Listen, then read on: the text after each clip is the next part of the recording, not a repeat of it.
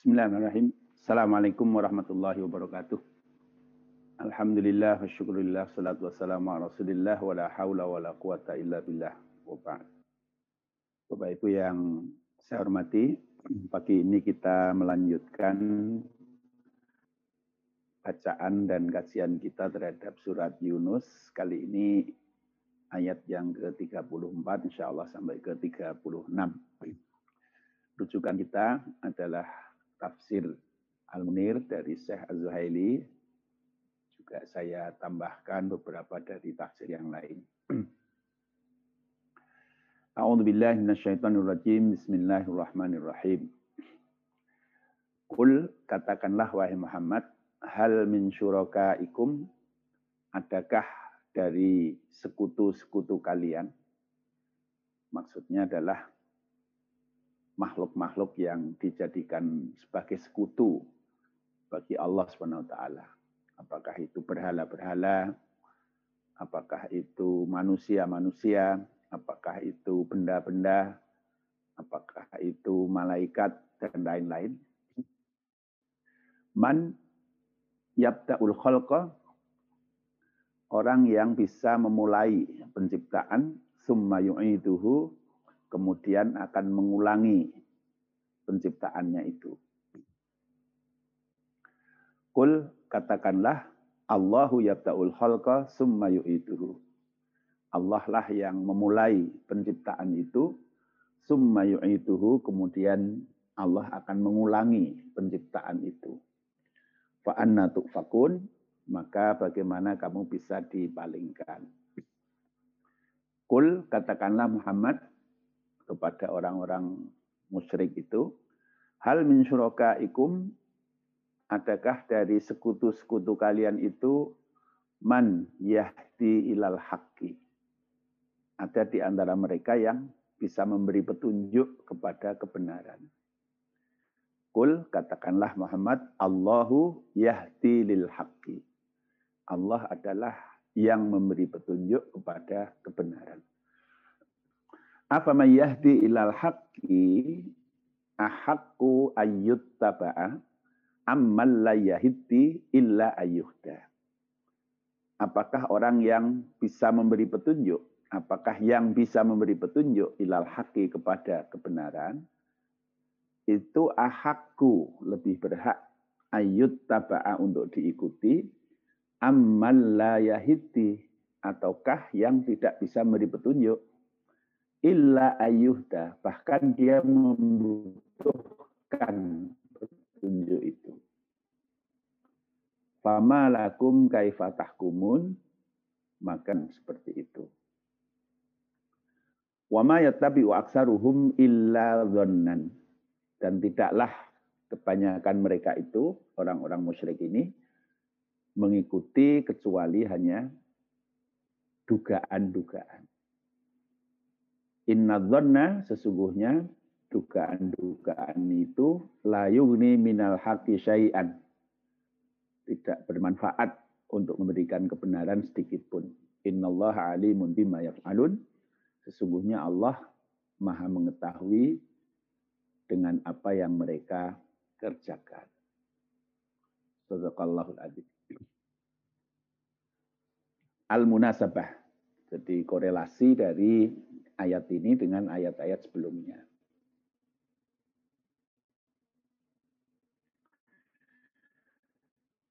Inta Allah Ta'ala fauran fi bayanihi min isbati tauhid ila isbati.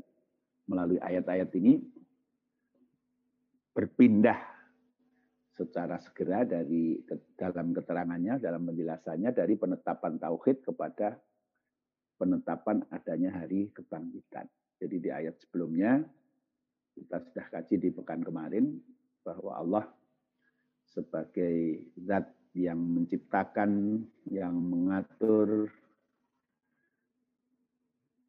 memberi rezeki dan lain-lain ya sebagai tauhid rububiyah. Nah, yang seharusnya pengakuan orang-orang musyrik terhadap rububiyatullah itu membawa mereka kepada tauhid uluhiyah. Nah, setelah Allah berikan penjelasan tentang masalah tauhid itu.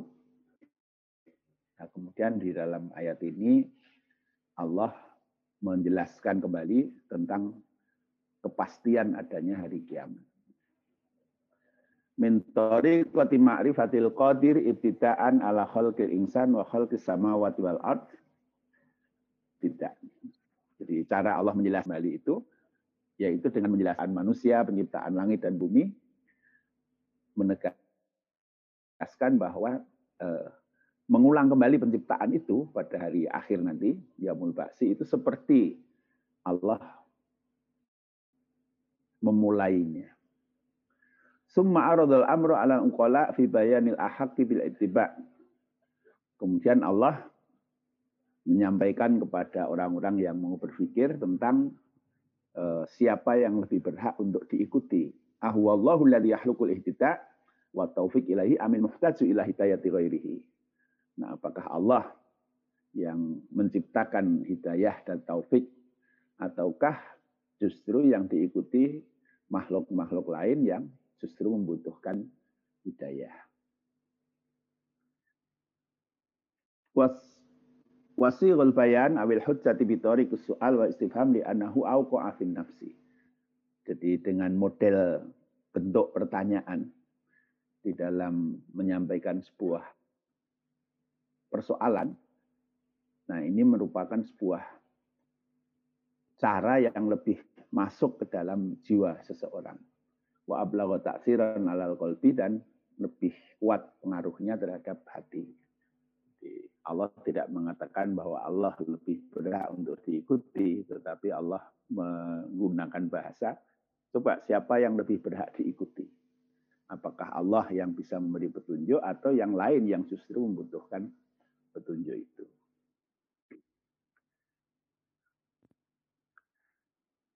Kul hal min syurakaikum may yabda'ul khalqa tsumma yu'ituhu. Qul lil musyrikin ayyuhar rasul, katakanlah kepada orang-orang musyrik, wahai rasul, manil ladzi bada'a khalqas samawati wal ard.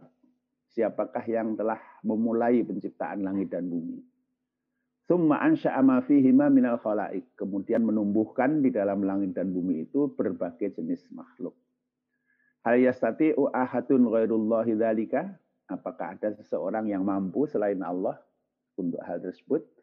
Sawa'un kana sonaman aw wasanan aw kaukaban aw malakan aw jinnan aw rasulan aw ghairihim? Baik yang selain Allah itu berhala, atau bintang, atau malaikat, atau jin, atau rasul, atau yang lain.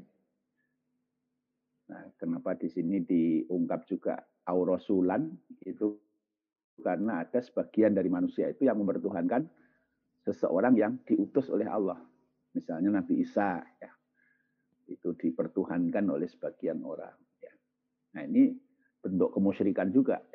Walaupun yang disekutukan kepada Allah itu adalah rasulnya Allah sendiri. Wa may yaqdiru ayyu'idal khalqa khalqan jadidan dan siapakah yang mampu untuk mengembalikan semua makhluk ini menjadi makhluk yang baru.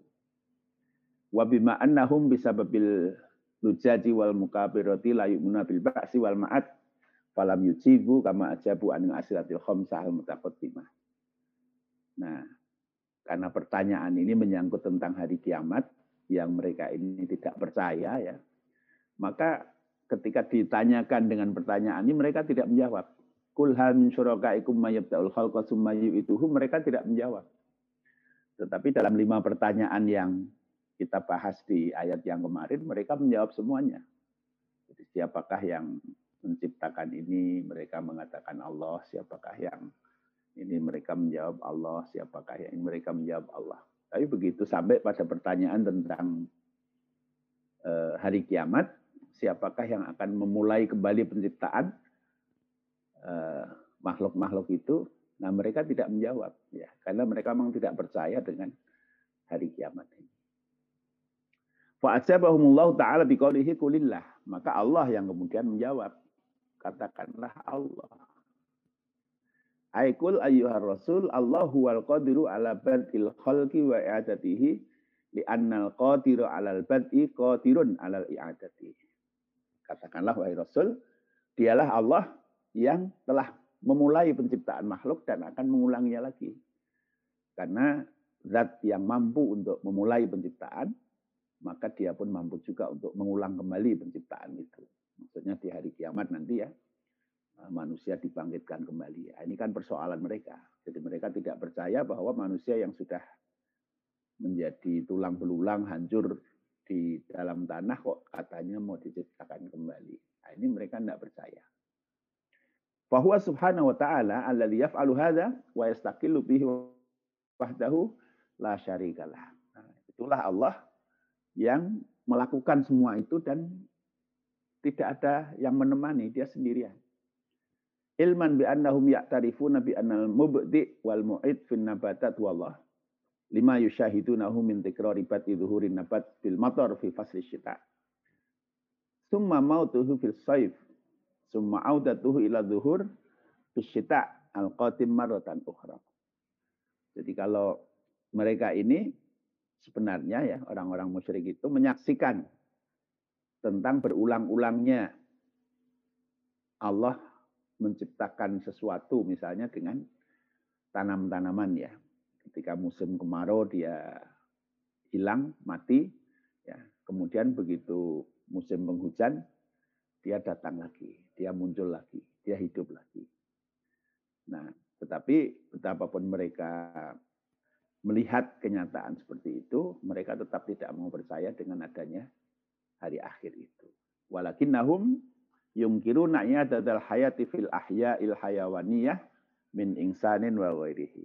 Mereka tidak percaya kalau manusia-manusia atau binatang-binatang itu bisa dihidupkan kembali walaupun mereka setiap saat melihat Allah menghidupkan kembali tanaman-tanaman ya, rumput-rumputan di sekitar mereka setelah mereka mati. Fa anna fakun ai fa kaifa tusrafuna an dariqir rusdi ilal batil wa anil haqqi wa huwa at-tauhid ila dolal wa huwa al-isyrak wa ibadatul asma. Jadi bagaimana kalian dipalingkan dari jalan yang lurus, dari yang benar kepada yang batil. Dari tauhid kepada syirik. Ai idza kanat fitratukum wa ukulakum au andarakum wa mulahadatikum tu'atti ila anna Allah ta'ala huwa alladhi yu'itul ilan nabat falima la ta'tarifuna bi qudratihi ala iyadil hayati ila insan. Jadi kalau kalian percaya, kalian bisa melihat setiap saat bahwa Allah itu bisa menghidupkan kembali tanam-tanaman yang sudah mati. Nah, kenapa kalian tidak mau mengakui untuk percaya bahwa Allah itu akan menghidupkan kembali manusia yang sudah mati. Wadzalika yu'addi bikum ilal imani bil ba'tsi wal jaza' yaumil qiyamah. Nah, jika kalian mau untuk mempercayai itu, maka itu adalah jalan untuk kalian bisa beriman kepada hari kebangkitan dan hari pembalasan di hari kiamat. Jadi Allah sangat memberikan bukti dan contoh yang konkret ya. Jadi di dalam satu ayat Allah mengatakan bahwa bagaimana ketika Anda lihat watarul ardu hamidatan fa idza anzalna 'alaihal ma'a ihtazat wa rabat wa ambatat min kulli zaujin bahij ya. Jadi ketika Anda lihat tanah yang kering maka ketika Allah menurunkan air hujan di tanah yang kering itu anda akan lihat kembali betapa banyak jenis-jenis tanaman yang tumbuh di situ. Nah, ini Allah menunjukkan tentang eh, kemampuan Allah untuk menghidupkan kembali sesuatu yang mati. Nah, ini dipertontonkan oleh Allah kepada kita umat manusia setiap saat. Jadi tanam-tanaman yang sudah kering, sudah mati, hilang di musim panas ya. Begitu Allah turunkan air hujan, maka dia hidup kembali. Nah, kalau kita bisa melihat kenyataan bahwa Allah menghidupkan kembali sesuatu yang sudah mati, kenapa kita tidak bisa percaya bahwa Allah bisa menghidupkan kembali manusia-manusia yang sudah mati itu. Nah, kalau kita mau percaya bahwa Allah mampu untuk menghidupkan kembali, maka itu adalah jalan menuju kepada iman kepada adanya hari kebangkitan dan adanya iman kepada Eh, balasan, hari pembalasan yaitu hari kiamat. Kul hal min syurakaikum may yahdi ilal haqqi kulillahu yahdi lil haqqi afa may yahdi ilal haqqi ahqqu ayyuttaba'a amma la yahdi illa ayyuhda fama lakum kaifa tahkumun Summa sa'alahumullahu ta'ala an sya'nin min syu'unir rububiyah. Kemudian Allah bertanya kepada mereka tentang hal-hal yang menyangkut persoalan rububiyah. Di qawlihi, kul hal min syurakaikum. Katakanlah Muhammad, adakah dari para sekutu, sekutu kalian itu, ayakul lahum ayyuhar rasul, hal yastati wahadun min syurakaikum hidayatad dhalli wal hayran apakah ada di antara sekutu-sekutu kalian itu? Berhala-berhala atau jin atau pohon-pohon atau apa pun yang mereka sekutukan terhadap Allah itu adakah di antara mereka yang mampu memberikan hidayah kepada orang-orang yang sesat dan orang-orang yang mengalami kebingungan imma bil fitrati wal gharizati baik dengan bentuk hidayah yang berupa fitrah dan gharizah wa imma bil hawasi min sam'in wa basarin wa nahwihima atau dengan indera seperti pendengaran, penglihatan dan yang sejenisnya. Wa imma bil akri wa tafkir atau dengan akal dan pikiran. Wa imma bi hidayatil kutubis samawiyyati war rusul atau dengan memberi hidayah yang berupa kitab-kitab samawiyah dan rasul-rasul. Auhum ajizuna an dzalika kullihi ataukah mereka ini tidak mampu untuk melakukan itu semua?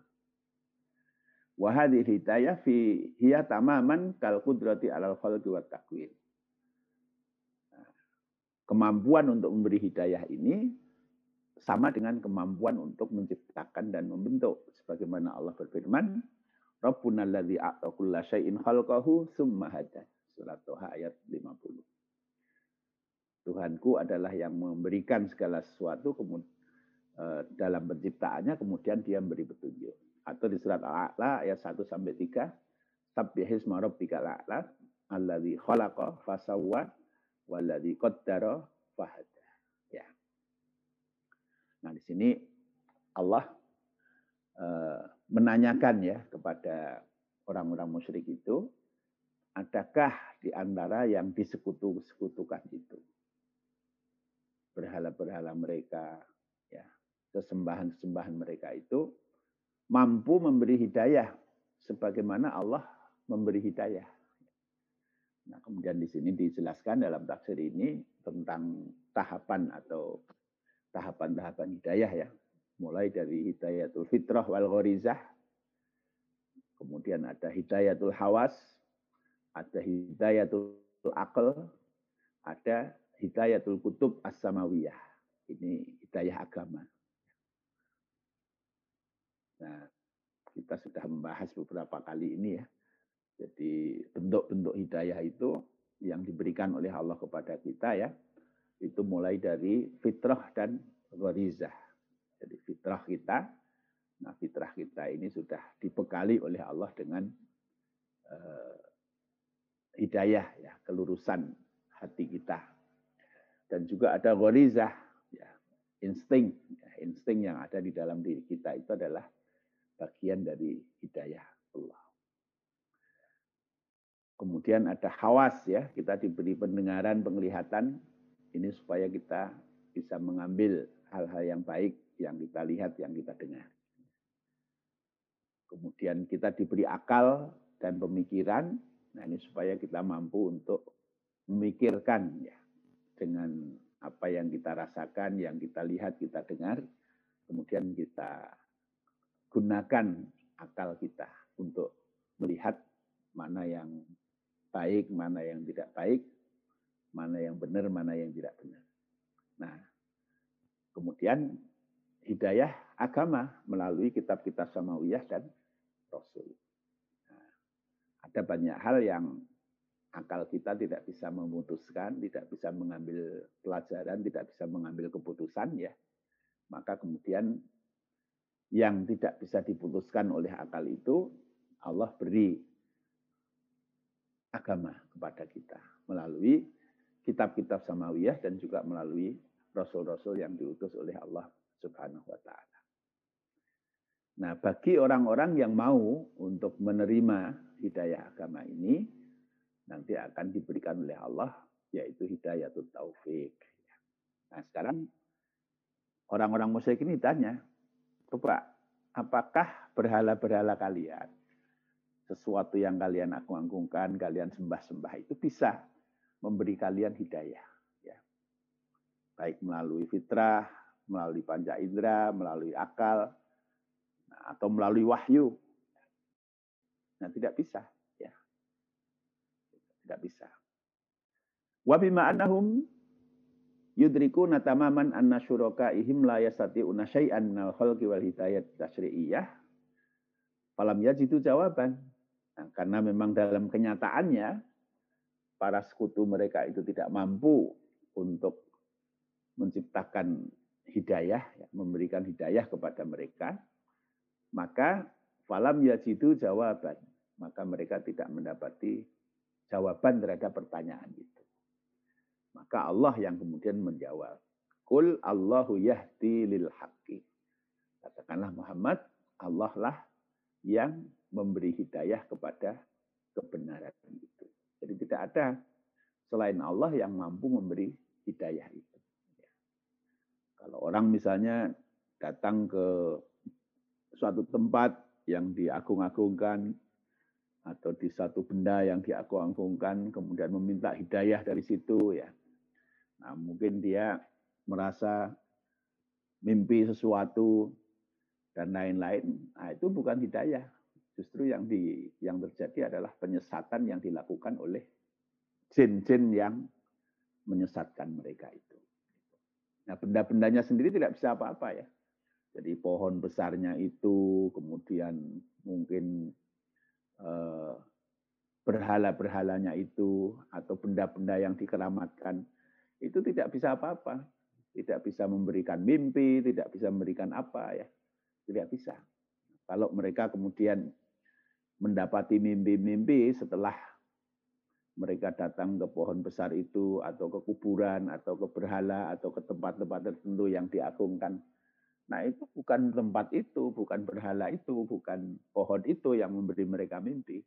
Tapi itu adalah setan-setan yang berupa jin yang berusaha untuk menyesatkan mereka dengan memberikan mimpi-mimpi yang seolah-olah berasal dari benda-benda itu. Nah, hakikatnya mereka tidak bisa memberi apa pun kepada manusia ini. Aikul ayuhar rasul huwallahu alladhi yahdi ilal haqqi bima ujada minal adillati wal hujaji. Katakanlah wahai rasul, dialah Allah yang menunjukkan kepada kebenaran dengan berbagai dalil dan hujah. Wa arsala minar rusuli wa anzala minal kutubi wa manahal insana mafatihal ilmi wal ma'rifati wal imani bil akli wal hawas. Yaitu dengan mengutus rasul-rasul, menurunkan kitab-kitab, dan memberikan kepada manusia ini pintu-pintu pembuka ilmu dan pengetahuan dan iman yaitu dengan akal dan indera kita. Seluruhnya itu adalah Allah yang memberikan kita akal, memberikan kita penglihatan, pendengaran untuk kita bisa memahami sesuatu, mengutus Rasul, menurunkan kitab, seluruhnya itu adalah Allah SWT. Selain Allah tidak ada yang memberi kita kemampuan untuk seperti itu. Apa ilal haqqi ahaku ayyut amman la yahiti. Jadi apakah Allah yang bisa memberi petunjuk kepada kebenaran itu yang lebih berhak untuk diikuti ataukah sesembahan-sesembahan selain Allah yang tidak bisa memberi petunjuk? Bahkan mereka itu berhajat kepada petunjuk juga. Waman huwa ahaku bitiba'i qawlihi wa ta'ati amrihi.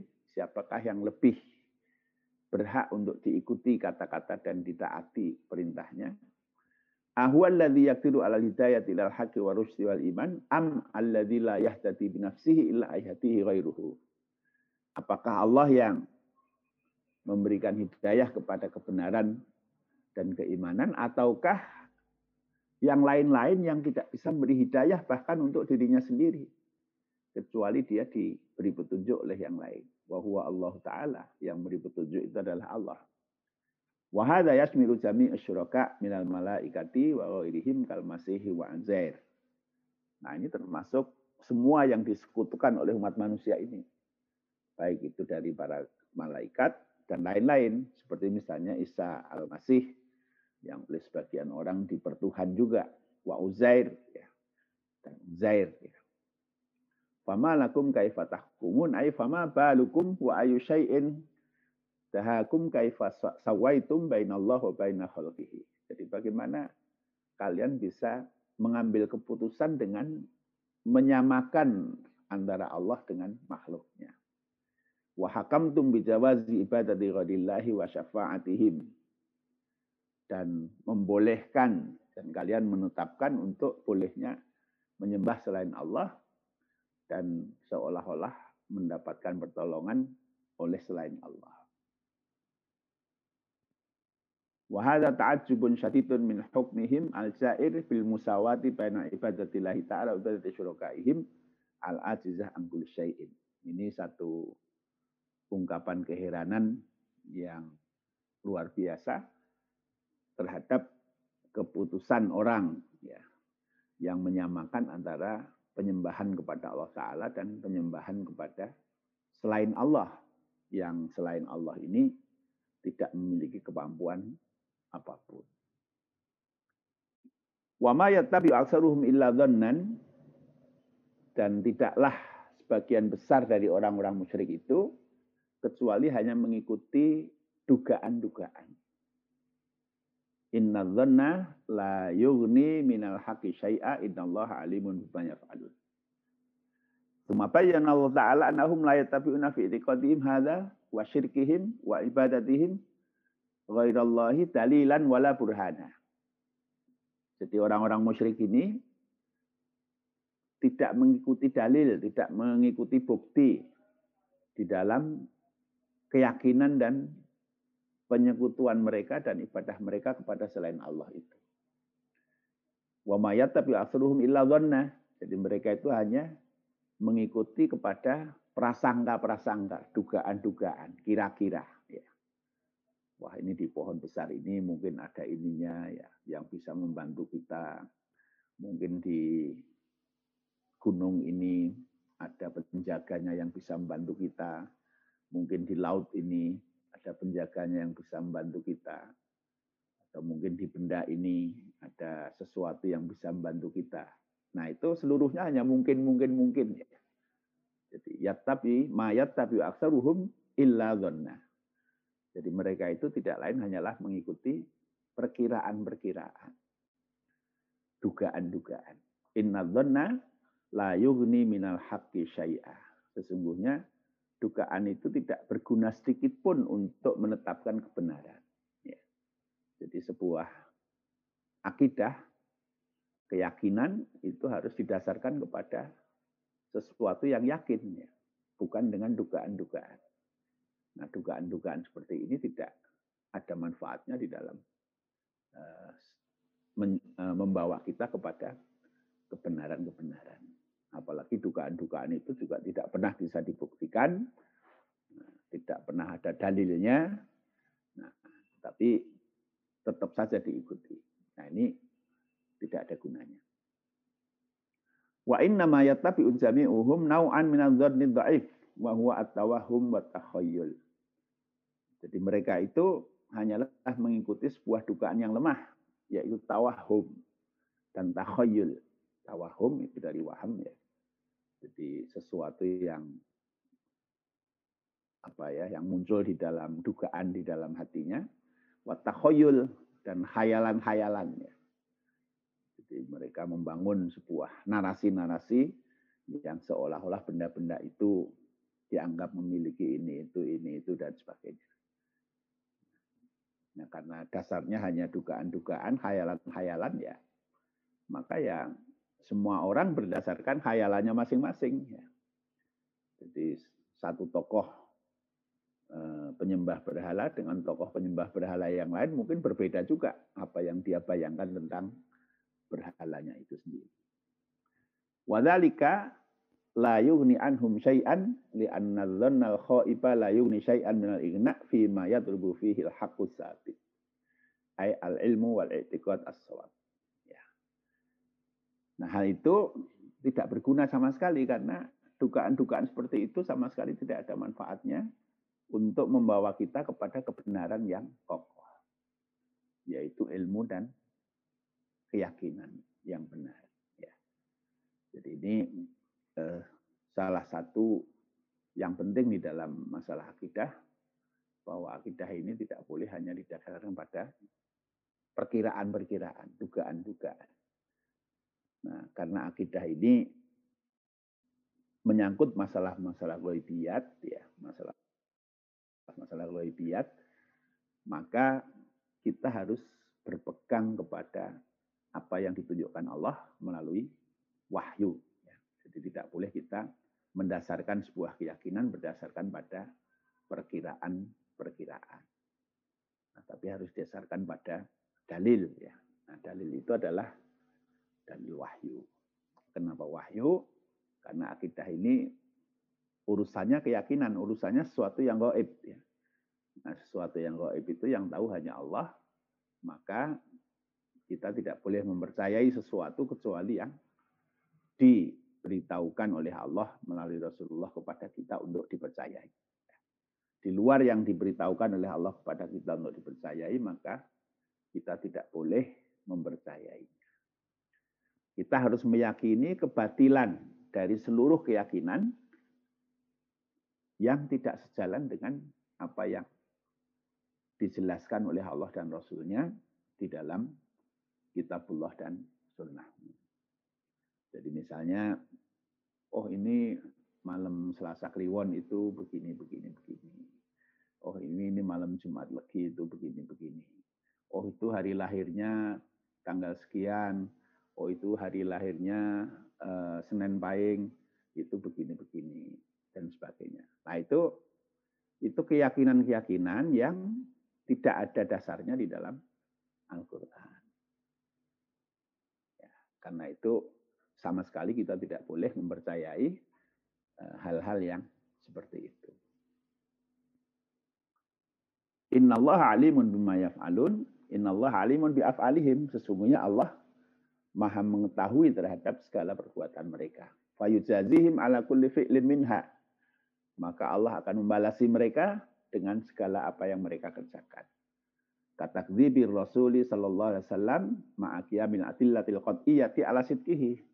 Misalnya pendustaan mereka terhadap Rasul wasallam padahal ada bukti-bukti yang pasti tentang kebenaran beliau. Wa taqlidil aba wal asdad bituni hujjatin au dalilin atau mereka mengikuti keyakinan-keyakinan nenek moyang mereka dengan tanpa hujah atau dalil. Wahada tahdidun lahum wa wa'idun syadidun li anahu ta'ala akhbaru annahu sayujazih ma'ana dzalika. Atam jaza. Nah, ini merupakan satu peringatan ya dan ancaman yang keras dari Allah SWT terhadap orang-orang yang melakukan kemusyrikan-kemusyrikan itu karena Allah ketika mengetahui apa yang mereka kerjakan itu artinya Allah akan membalas apa yang sudah mereka kerjakan. Ya. Fikul hayati wal ahkam. Istamalat hadil ayat pertama. Ya. Jadi ayat-ayat tadi mengandung beberapa hal. Awalan yang pertama, anna masmu'atul ayat as-sabiqah istamalat ala hujatin salasin lil istidlali ala wujudillahi ta'ala. Bahwa kumpulan ayat-ayat yang sebelumnya itu memberikan hujah yang menjadi dalil terhadap wujudnya Allah Ta'ala. Al-ula annahu ar-razik, ar-raziku al-mujidu sam al-basar, khalikul maut wal hayah. Yang pertama Allah lah yang beri rizki, yang menciptakan pendengaran, penglihatan, yang menciptakan kematian dan kehidupan. Pesannya anau khaliqul insan wa samawati wal ard wa ma bainahuma. Dan Allah adalah yang menciptakan manusia langit dan bumi dan apa yang ada di antara langit dan bumi. Wasalisah annahu al-qadir al-hidayah. Dan yang ketiga, Allah lah yang mampu untuk memberikan hidayah. Wal istidlalu ala wujudi sani bil khalqi awalan summa bil hidayati saniyah. Jadi jadi kemampuan untuk menciptakan segala sesuatu dan kemudian memberi hidayah setelah menciptakan itu. Alladzi khalaqa fasawwa waladzi qaddara fahada. Ya. Nah, ini rububiyatullah. Yang kedua, min asli isbatil ba'si ala taubihainil lil musyrikina wa tahdidin. Nah, terkait dengan persoalan hari kebangkitan, maka ada dua hal untuk me membuka kesalahan orang-orang musyrik itu, taubih ya, dan juga memberikan ancaman kepada orang musyrik. Jadi ada dua taubih dan ada satu tahdid. Nah, taubih yang pertama adalah bahwa ala ibadatin syuraka a'ajizina anil khalqi bada'an wa i'adatan. Fakai fatasihu tilkal ibadah. Jadi yang pertama, mereka ini menyembah benda-benda atau sesuatu selain Allah yang tidak mampu menciptakan sesuatu. Baik memulai penciptaan maupun mengulang kembali penciptaan. Nah, maka bagaimana mereka menganggap benar peribadatan kepada sekutu-sekutu itu.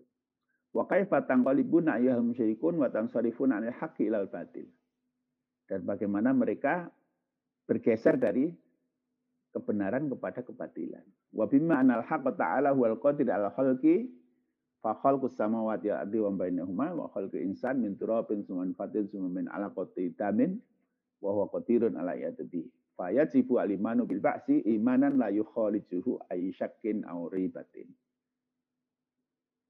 Nah, bahwa Allah yang sebenarnya mampu menciptakan langit, bumi, dan apa yang ada di antaranya, menciptakan manusia dari turab, kemudian nutfah, dari alaqah, maka Allah lah yang mampu juga untuk mengembalikannya.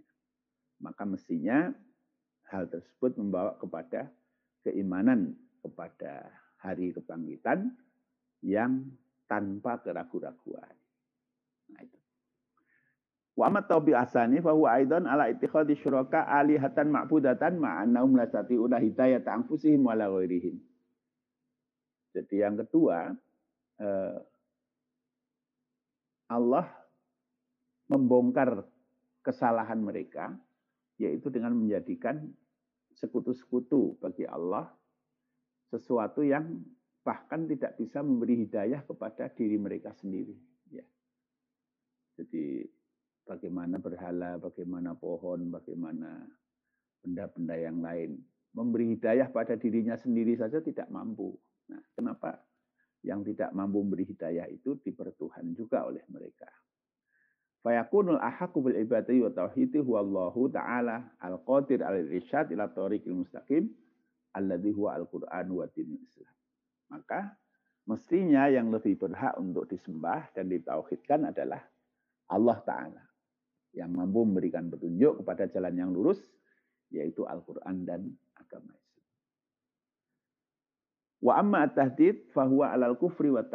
Inna Allah alimun mas'alun wa jazikum alaihi. Nah, sedangkan ancamannya di dalam ayat itu adalah ancaman terhadap kekufuran dan pendustaan.